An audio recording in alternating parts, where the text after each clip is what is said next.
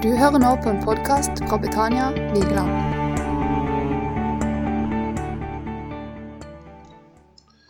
Tusen takk for at jeg fikk lov til å komme til Vigeland igjen. Takk for eh, fint møte til nå. Jeg syns det er sagt så mye bra og skjedd så mye fint at vi kunne sagt takk for nå.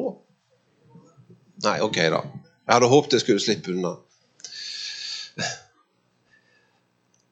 Også veldig gøy å høre om hva som skjer her på Vigeland, på bedehuset. og med Arthur, og Jeg kjenner jo Arthur, og det er jo veldig gøy. For en uh, fyr, og for uh, en frimodighet. Og så, så veldig bra at dere er med og støtter og backer opp om det som skjer på bedehuset. Veldig, veldig fint. Ja, dere så eh, kanskje overskriften, og det var Guds hånd. Og da vet jeg ikke hva du tenker da.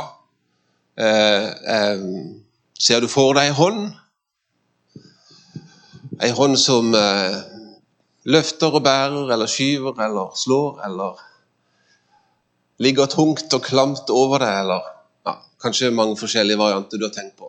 Men Guds hånd fikk jo sin renessanse når Diego Maradona ga Gud æren for målet i fotball-VM i 1986 mot England, så skårer Maradona. og Så var det jo ikke var den gangen. Det var ingen som satt og så på video om det var riktig, det som skjedde. Det ble jo mål, og det ble dømt mål. og ettertid så viste det seg at han var jo oppe med hånda og skårte med hånda. Det skal du ikke gjøre i fotball. Det er jo håndball du gjør det. Og han svarte jo selvfølgelig da at nei, men det var Guds hånd. Eh, og det kom jo han unna med. Og han har jo fått han blir kalt Guds hånd. Jeg leste overskriften når han døde, så står det 'Guds hånd er død'. Så han fikk det. Han fikk jo sin egen kirke. Ja, han fikk vel egentlig sin egen religion, eh, hvor folk har fulgt etter han. Og, eh, veldig bra fotballspiller, all ære til han, men det er kanskje å dra det litt langt og gi han gudestatus. Men uansett, Guds hånd var det han fikk og ga på en måte æren til. Eh, og Jeg har lyst til å bare eh, komme inn på det eh, litt, hva som skjedde opp gjennom historien. Noen få eksempler som vi kan lese om i Gamle testamenter, og så inn i dag. Jeg tror jeg har en hilsen til noen i dag, helt, helt konkret. Så får vi se om den treffer. Men i alle fall Guds hånd, det er temaet. Og Hvis vi eh, Gå tilbake til den der eh, starten, når det begynte, det hele. Hvor Guds hånd virkelig satte i gang. I begynnelsen. Jeg kommer på nå, men Vi satt og tulla med dette i går, men det er en helt annen parentes. Ikke tenk på den etterpå. Men i begynnelsen Jeg vet ikke om dere har sett klippet hvor eh, Sør-Afrikas tror jeg det er, president blir eh, manipulert. Han står og taler, og så har de lagt på en annen tekst når han skal lese ifra et, Bibelen i begynnelsen. In the beginning. Men han klarer ikke å si det. Har det noen som har sett det? Nei. Ok. Poenget er bare at de holder på i fem minutter med akkurat dette. In the beginning In the, be, in the beginning in, be, Han kommer ikke i mål, på en måte. Det, det, det kommer ikke videre. Ganske morsomt. Men det Ja. Jeg kan gå inn og se det. Det er ganske fornøyelig. Men in the beginning, i begynnelsen, så skapte Gud. Og Guds hånd utførte helt vanvittige ting. Altså Når vi leser skapelsesberetningen, så tror jeg vi er enige om at det Gud gjorde der, er ganske mektig. Fra å være ingenting til å bli det det er blitt nå. Hvor han skaper i detalj alle ting. Og hvor vi kan lese det hva som skjedde de forskjellige dagene. Hvor vi kan sitte i dag og tenke over hvor fantastisk det er det Gud skapte. En utrolig hendelse. Og for stort kanskje til å ta inn over seg. Det er så mektig, det er så stort når vi først setter oss ned og tenker på det. Salme 8 beskriver det jo hvor stor skapelsen er, det Gud har gjort med sine hender. Og til og med så har han skapt mennesket midt oppi alt dette.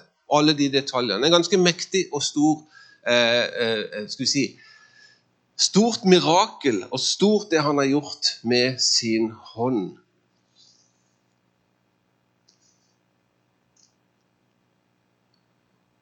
Så den mektige, hånda, den mektige som gjorde alle disse tingene. Og så var det den hånda som underviste på ganske utrolig måte. Jeg skal bare ta et par eksempler. Moses fikk skrevet de ti bud. Guds finger kom og skrev. Moses kunne jo ikke skrive på steintavler. Det var det Gud som gjorde helt konkret. Han kommer og skriver og underviser så tydelig at han kan lese det og kan gå til folket og fortelle hva som er skrevet ned fra Guds hånd.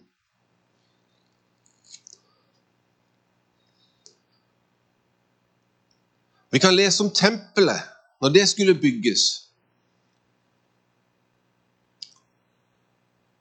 Hvis vi leser i eh, første krønikerbok, første krønikerbok 28, så kommer David til sin sønn Salomo, står i kapittel 28, vers 11. Eh, så ga David sin sønn Salomo en tegning av forhallen med dens bygninger, av skattekamrene, av loftsrommene, de indre rommene. Og så, ja, dette går nedover. Så detaljert beskrevet i dette kapitlet. Han kommer med en tegning. Hadde David gått på, eh, på fagskolen, byggfag, hadde han eh, tatt arkitektutdannelse? Jeg mener, skal du, skal du tegne en bygning som skal bygges sånn som tempelet ble bygd, så holder det ikke med noen streker på en serviett. Sånn gjør vi det. Nei, Da skal du ha detaljert beskrivelse. Dere som er i byggebransjen, vet det.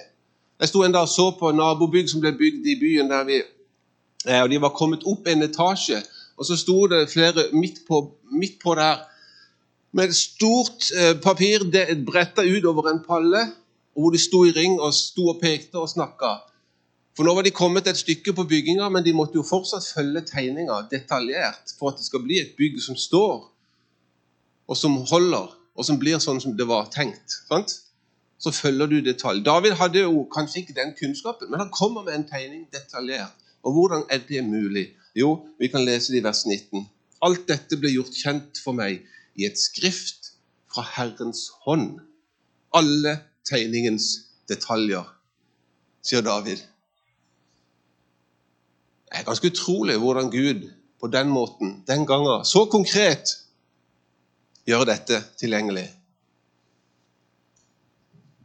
Og så bygger de, og så blir det sånn som det var på tegninga. Og det er jo ganske moro når ting blir sånn som det var på tegninga. Det har kanskje du opplevd når du har fått Lego til de små, men hvor du blir sittende og bygge. Det er gøy å se at det blir som eh, tegninga sier.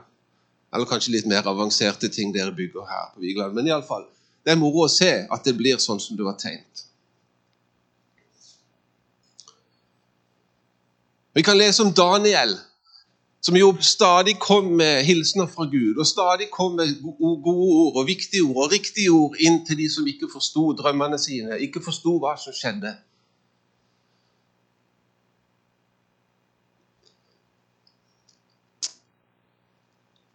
Og En dag som kong Belsasar, som kom etter Nebukadnesar, hadde fyllefest Det virker iallfall sånn. Det er jo noe på en måte som beskriver hva de holdt på med. De sto at de drakk mye, og de festa. Og det var eh, god gang i eh, lørdagskvelden der. Og de drev og henta ting som eh, Nebukadnesar hadde fjerna. De drakk av noen gullbegre som var tatt ut, og som ikke skulle drikkes av. Og de holdt på. Og midt i festen så kommer det Dette har dere kanskje lest men, og hørt. Men midt i festen, på kalkveggen, mot lysestaken, så kommer det ei hånd ut. Og vi kan jo kanskje tenke at ja, de hallusinerte. De, de var jo godt i gassen. Nei, men Bibelen skriver at det kom en hånd ut og begynner å skrive på veggen. Mene, mene, tekel, urfasin. ufasin. Og kongen blir ganske redd. Jeg er sikker på kanskje du og meg hadde blitt hvis vi hadde sittet en lørdagskveld hjemme i lystig lag og uten den type lystig lag. Da. Men altså, og det begynte å bli skrevet på veggen med en fysisk hånd. Et budskap som ikke vi forsto. Altså Gud og Guds hånd er jo ganske aktiv her. Ganske konkret. De eh, ble redde, de visste ikke hva som ble skrevet. Gud hadde et budskap, han hadde en melding til kongen. Og så er det tydere, de, de, de ringer til alle disse her alternative som holder på med sine ting, og de kommer og de får det ikke til.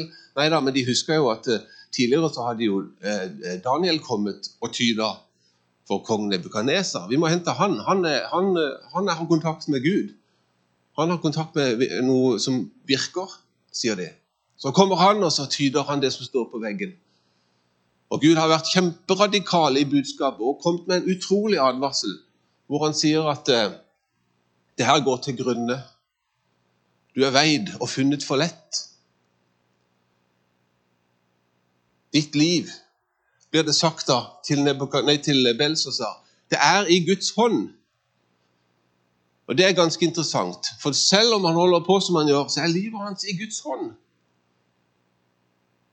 Så han får et valg ut ifra det budskapet. Du er veid, du er funnet for lett. Og han får faktisk et valg der som han ikke tar. Han tar ikke budskapet på alvor, han bare lar det gå. Og han sier, 'Daniel, du er en flott kar, du kan dette, du kan dine saker. Takk for tydningen. Du skal få kapper, du skal få gull, og du skal få masse, og du får høy stilling fordi du er så bra.' Så tar han ikke på alvor budskapet, og så dør han samme natt. Trist historie. Men Guds hånd var tydelig, aktiv, og det var måten, en av måtene Gud jobba på den gangen. Vi kan lese flere historier hvor Gud i tillegg til å være mektig, i tillegg til å undervise sånn som dette, også leder folket på forskjellige måter. De store, som har, i hvert fall i våre øyne blir store troshelter, de leder Gud konkret. Noah, Abraham, Moses, Josva og han gjorde store mirakler med sin hånd. Han delte havet, han ledet dem, han viste hvem han var. Han slo også ned på det som ikke var bra. Han var tydelig i sin ledelse.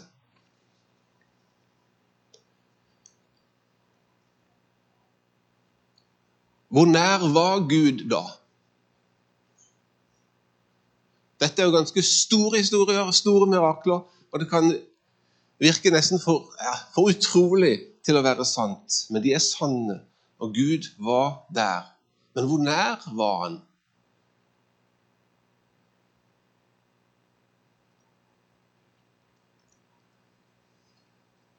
Det er ganske interessant at dette med hånd blir beskrevet så mange ganger i Bibelen. Hvis du leser salmene, hvis du leser klagesangene, hvis du leser flere steder, så vil du se at ordet hånd og Guds hånd det blir brukt veldig ofte.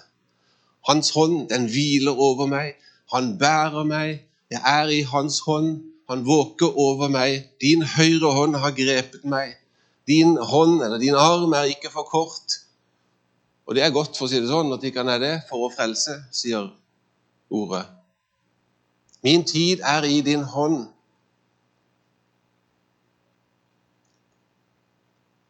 Bakfra og forfra omgir du meg. Du har lagt din hånd på meg. Din hånd leger. Jeg blir alltid hos deg. Du har grepet min høyre hånd. Altså hans hånd har grepet min hånd. Altså Dette ordet brukes veldig mye. Og det er interessant, syns jeg, fordi det er en veldig menneskelig forklaring, et veldig menneskelig bilde på noe av Guds karakter og noe av hvem Gud er. Det er noe vi kan forstå. Det er ganske konkret med ei hånd. Sånn oss imellom òg, så er jo det med håndene Det å strekke frem hånda er veldig konkret når du møter noen. Kjell er jo veldig kjapp med å strekke frem hånda når vi kommer her og ønsker velkommen. Han sier mye annet òg fint og rart, men det er jo på en måte Gå ned på kne og sånn, det er jo veldig morsomt, Kjell. Du er spesiell. Veldig fint. Og vi føler eh, Hver gang han kommer, så er det utrolig å bli møtt med det. Det vil jeg bare si. Fordi det er mer enn bare hånda. Men hånda er et utrolig tydelig tegn på noe. ikke sant? Når du strekker frem en hånd til noen, så er det fordi du ønsker å hilse på dem. Du ønsker å se dem, du ønsker å møte dem. Så det er et sterkt symbol sterk symboleffekt med hånda. Og vi kan forstå det. Det er konkret. Og dette skriver da Bibelen mye om. Så da skjønner vi litt av ok, dette er noe av Guds karakter. Hans hånd den, den, den, den gjør alle disse tingene. Men hvor nært var det når de beskriver det? Hvor nær var Guds hånd? For det ser litt stort ut, det ser litt mektig ut, det ser litt sånn litt på avstand ut. For det er så stort, og det er så mektig. For Gud talte gjennom profetene, gjennom ypperste prestene. Og de så Guds under, de så Guds mirakel, de så hvordan han kom, og på den måten kunne si at din hånd kom og reddet oss. Din hånd løfta oss opp. Din hånd leda oss. Jeg er ikke redd, for du og din hånd fører meg frem.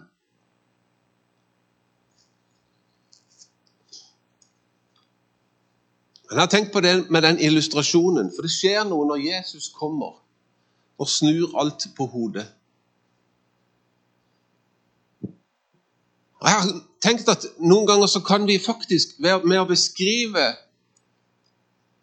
og se på hvordan Gud har grepet inn med disse fantastiske fortellingene og Guds hånd, så kan vi på en måte beskrive noe som blir litt langt borte. Vi synger 'Han bærer hele verden i sin hånd', som jo er veldig fint. Og vi må ikke slutte å synge på det. Men jeg har noen ganger tenkt på at hvis dette er Gud, og dette er hånda hans, og verden ligger der, i hånda, så tenker jeg ja, men det er jo en avstand der. Altså, det er hos Gud, ja, men det ser ut som det er jo en avstand. Er det sånn at Gud da ser dreier litt på kloden og ser hvordan det står til. Han bærer oss, ja, det går, det går men eh, det er litt langt vekke. For illustrasjonen med hånda er jo at den er på en måte en del av noe større. Men den er jo ikke alt det store. Det er en del av det. Og Da tenker jeg at jeg har lyst til å gjøre det enda større. For jeg tror det er større.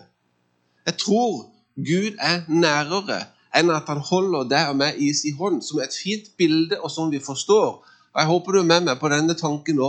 For Gud bærer oss, og Gud løfter oss, ja.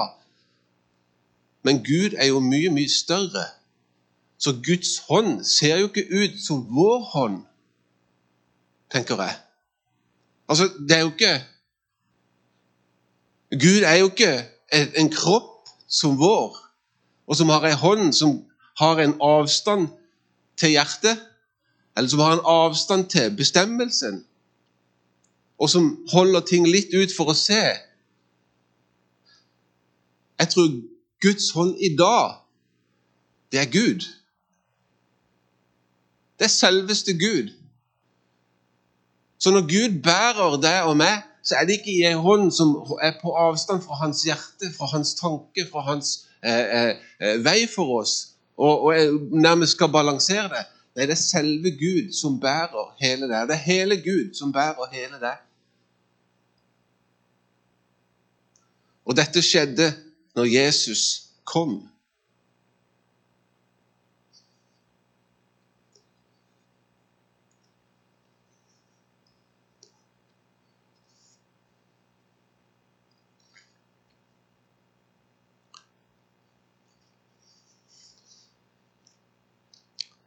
Noen minutter til. Jeg håper du henger med. Fordi at det, står i eh, Efeserbrevet 2,13.: Men nå, i Kristus Jesus, er dere som var langt borte, kommet nær på grunn av Kristi blod. Vi er kommet nær. Det betyr at vi er kommet tett på. Så sier Bibelen i Efeserne 2, et par vers før, vi er Hans verk hans håndverk. Ok, Så Gud skapte, og vi er en del av den skapelsen. En del av det skaperverket. Men vi er mer enn at vi er noe som han ser på litt på avstand og holder og bærer og ja, og tar med helt hjem. Men jeg tror han har enda mer for oss i det livet her, fordi at han er i oss. Så når Guds hånd bærer oss, så tror jeg det i dag handler om at det er Gud sjøl som bærer oss. Han som fyller alt i alle, sier Bibelen. Efeserne 1,23. Han fyller alt i alle. Han er alt innen livet. Sikkert noen håndverkere her, kanskje noen snekkere her som har jeg vet ikke om du har eh, slagordet 'alt innen bygg'. Det er ofte sånn vi reklamerer for når vi driver og snekrer. Hvis du har eh, en liten annonse, så er det 'alt innen bygg' eller 'alt innen tilbygg og restaurering'. Nei, sikkert ikke alt, men det er fint å si det i hvert fall. Det meste innen bygg. Alt innen rør er alt innen hva det måtte være. Jesus kom, og det som skjedde, var at han som fyller alt i alle, det betyr han har alt for oss som har med livet å gjøre. Og det er ikke på avstand. Han kommer nær, og han tar bolig i oss. Han bor ved troen i våre hjerter. Det betyr at det er det selveste Gud som bor i oss, med alt det han er, alt det han har. Og På den måten så bærer han, på den måten så underviser han. Ikke ved at Skriften kommer på veggen. Vi driver jo fortsatt og av og til sier det hvis det er ting vi skal, er blitt utfordra på. Kommer du til å svare ja?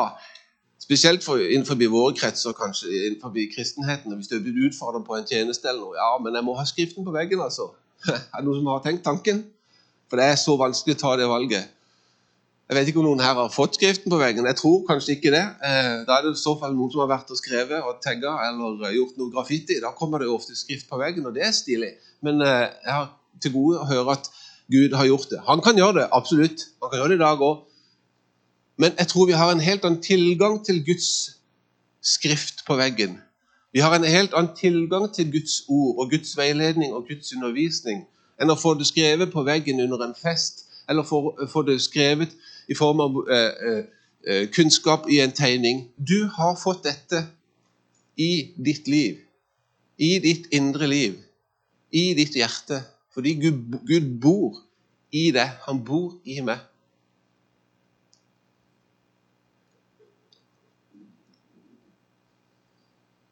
Det er ganske bra.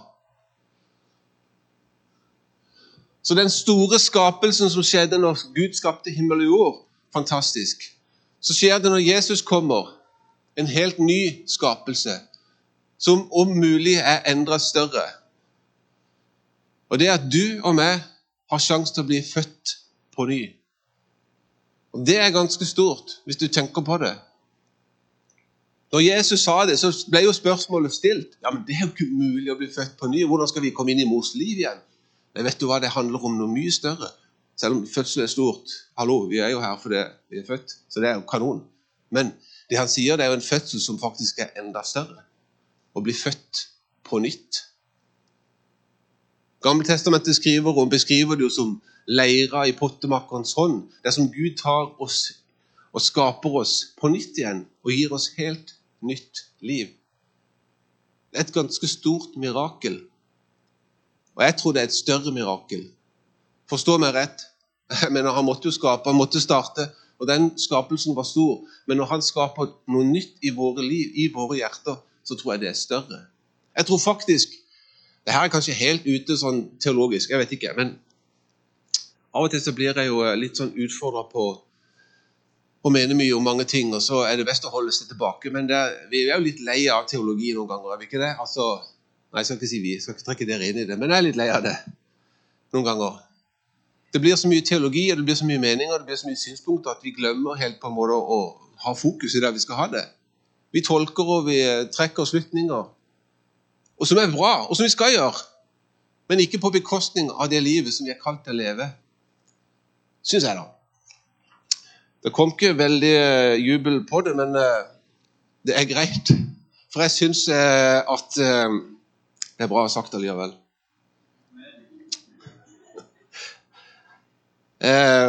hvor var vi? Jo, det mirakelet som skjer, da, det syns jeg er stort, og det er større. Når Jesus sa at dere skal gå ut og gjøre store gjerninger, ja, større enn de jeg gjør, så blir det ofte sett på at ja, vi skal vekke opp døde, så tenker jeg det vet jeg ikke om vi skal. Jo, vi skal det òg. Men noen ganger så tror jeg faktisk det er større når mennesker blir født på ny og får et nytt liv. At den måten å vekke opp de døde på, at vi går over fra død til liv, at vi går over fra mørke til lys, det er et ganske stort mirakel. Og det kan du og meg være med på, fordi vi har Gud som har tatt bolig i oss. Det er et ganske stort mirakel. Ikke for at de andre skal bli små, men grunnen til at jeg sier det, er at jeg tror at vi ikke skal miste fokuset på de miraklene der, og på hvor nær Gud er. Og når jeg kommer til poenget som jeg hadde lyst til å dele til noen, det er at Gud, han er nær. Du kan se på store ting som har skjedd, du kan se på mennesker som opplever store ting. Du kan se på ting som ruller på. og det, Hva er det for noe? Han virker så nær de, han virker så tett på de, det er så sterkt for de men han er ikke hos meg. Nå har jeg bedt i 100 år, nå har jeg lest i 100 år, men han virker langt borte. Jeg har bare lyst til å si det. Han er ikke langt borte. Gud er nær. Han er nær deg i ditt liv, i ditt hjerte, i din tanke. Helt uavhengig av hva du tenker og hva du føler. Og jeg har lyst til å oppmuntre deg til å begynne å takke Gud for at han er nær takke for at han er så nær som han er. For han er tett på. Han har tatt bolig. Hvis du har sagt ja til han, så har han tatt bolig i deg. Og du vet sjøl at der du bor, der bor du. I det bor du.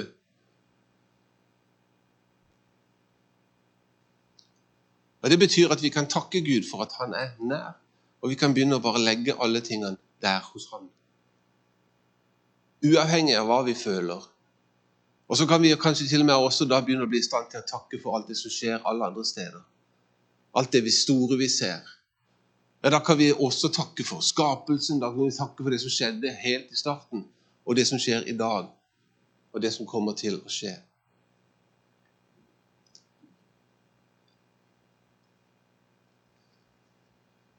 Vi vet at når Jesus døde og sa det var fullbrakt, så kom på en måte hans skapning Den kom i posisjon der den var tiltenkt å være. Vi er Hans verk, skapt i Kristus Jesus til gode gjerninger, som Gud på forhånd har lagt ferdig for at vi skal vandre i dem, står det i Efeserne 2.10.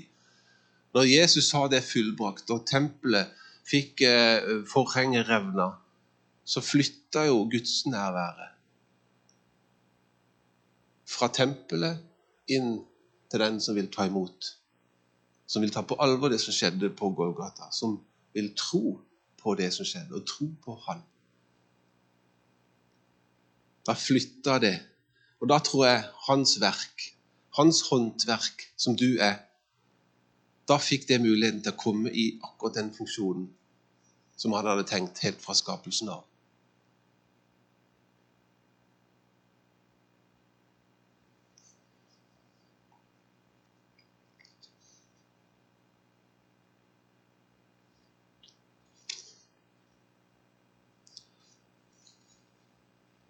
Så Guds hånd er fortsatt aktiv, men på et helt annet nivå, tror jeg. Det er langt over det jeg klarer. Ja, det skal ikke så mye til, for det er begrensa. Men det er over deres forstand òg, det Gud gjør. Bibelen snakker om at uh, han har en fred som overgår vår forstand. Han har en måte å gjøre ting på. Han har en måte å være til stede på som er langt over vår forstand. Vi klarer ikke å forstå det. Og Derfor er bildet med hånda begrensa til det hvordan vi ser på en hånd. Men hans hånd er jo mye større. Hans liv, hans tilstedeværelse, hans karakter er jo mye, mye større, mye, mye mektigere enn det vi klarer å forestille oss. Og han har gjort det tilgjengelig for dermed i de minste situasjonene som kan være vanskelige, og i de store situasjonene. Der kommer hans storhet, hans godhet, hans kjærlighet virkelig frem. Ingenting er for lite. Ingenting er for stort. Bibelen sier for mennesket umulig, for Gud alt mulig.